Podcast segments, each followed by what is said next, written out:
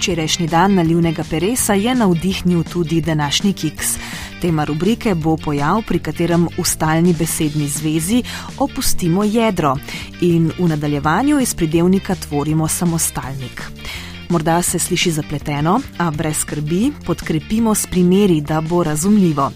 Z nami je docent dr. Boris Kern z Inštituta za slovenski jezik Frana Ramovša ZRC SAZU, ki je, mimo grede, tudi navdušenec nad nalivnimi peresi. Dobro jutro, res je. Um, ravno te dni sem se modil v Zagrebu, kjer sem obiskal tudi tako imenovano Pero kliniko torej popravljalnico nalivnih peres, ki deluje že 70 let in je najstarejša tovrstna prodajalna in popravljalnica v Evropi. V njej pa deluje že kultna gospa Vlasta Keranovič.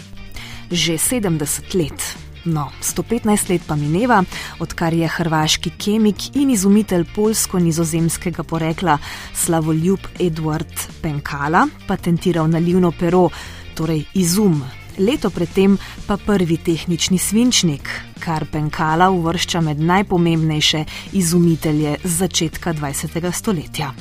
Ja, in primak izumitelja je postal občno imensko poimenovanje. Penkalo je v pomenu nalivnega peresa zabeleženo v štirih slovarjih in sicer v slovarju slovenskega knjižnega jezika 1 in 2, pravopisu in sinonimnem slovarju slovenskega jezika. Ima pa oznako pogovorno, Neutralni izraz je torej nalivno pero. Za razliko od hrvaščine je v slovenščini penkalo samostalnik srednjega spola, v hrvaščini pa je penkala samostalnik ženskega spola. Drugačen pa je tudi pomen. V hrvaščini penkala pomeni tako svinčnik z izmenljivim grafitnim uložkom, torej tehnični svinčnik, kot tudi nalivno pero in kemijski svinčnik. Torej, nalivnemu peresu lahko rečemo tudi penkalo. Ta možnost je danes izredno redka. Korpusno gradivo kaže, da se beseda penkalo ne bi uvrstila v sodobni slovar slovenskega knjižnega jezika, saj je preredka. Um, nalivnemu peresu pa sicer rečemo tudi pero ali pa nalivnik. In v teh primerih uh, gre za pojav, ki mu rečemo poeno besedenje. Kaj je to? Tako je, poenobesedenje je pojav, pri katerem v stalni besedni zvezi, kot je naprimer nalivno pero, opustimo jedro besedne zveze, ki je v tem primeru pero.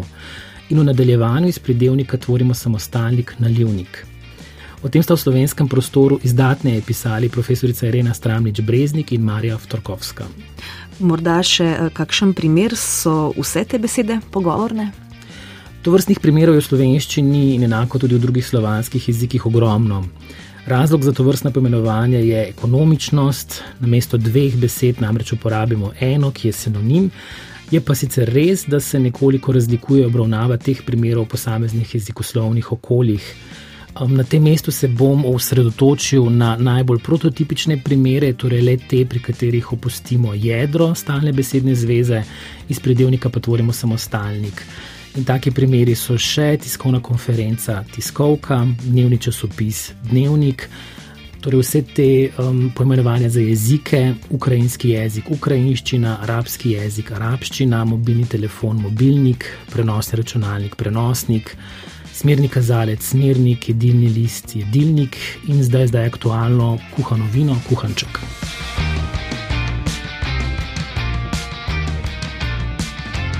Ta pojav pa se tiče tudi lastno imenskega besedja, recimo gospodarsko razstavišče, gospodarec, recimo primer koncert je na gospodarcu ali preširno v trg prešerec, a se dobiva na prešercu. Ampak ti zadnji primeri so uh, primeri pogovornih besed. Kako je s to pogovornostjo? Ja, v teh primerih gre dejansko pogosto za besede, ki se uporabljajo v pogovornem jeziku, torej v neformalnih govornih položajih, vsaj na začetku. Sčasoma pa se ta pogovornost pogosto izgubi. Pri vseh zgoraj naštetih primerih, razen primeru kuhančka, gospodarca in prešerca, se je ta pogovornost izgubila. Kaj pa v primerih, ko po eno besedenje ni mogoče? Nekaj teh našteje docent dr. Boris Kern. Tak je tudi, naprimer, starševski dopust. Imamo recimo porodniški dopust in po eno besedenje porodniška, za starševski dopust pa po eno besedenje ne poznamo. Zlasti, ko govorimo o pripadnicah, pripadnikih manjšinskih skupnosti, moramo biti posebej pozorni pri poimenovanju in tudi odgovorni.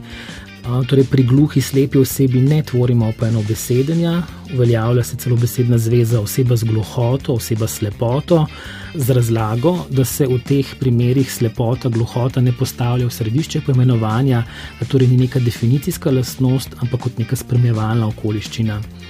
Če smo še pred desetimi leti govorili o transseksualnih osebah in posledično o transseksualkah in transseksualcih, danes govorimo o transpolnih osebah ker pri tem ne gre za seksualnost, ampak za spolno identiteto.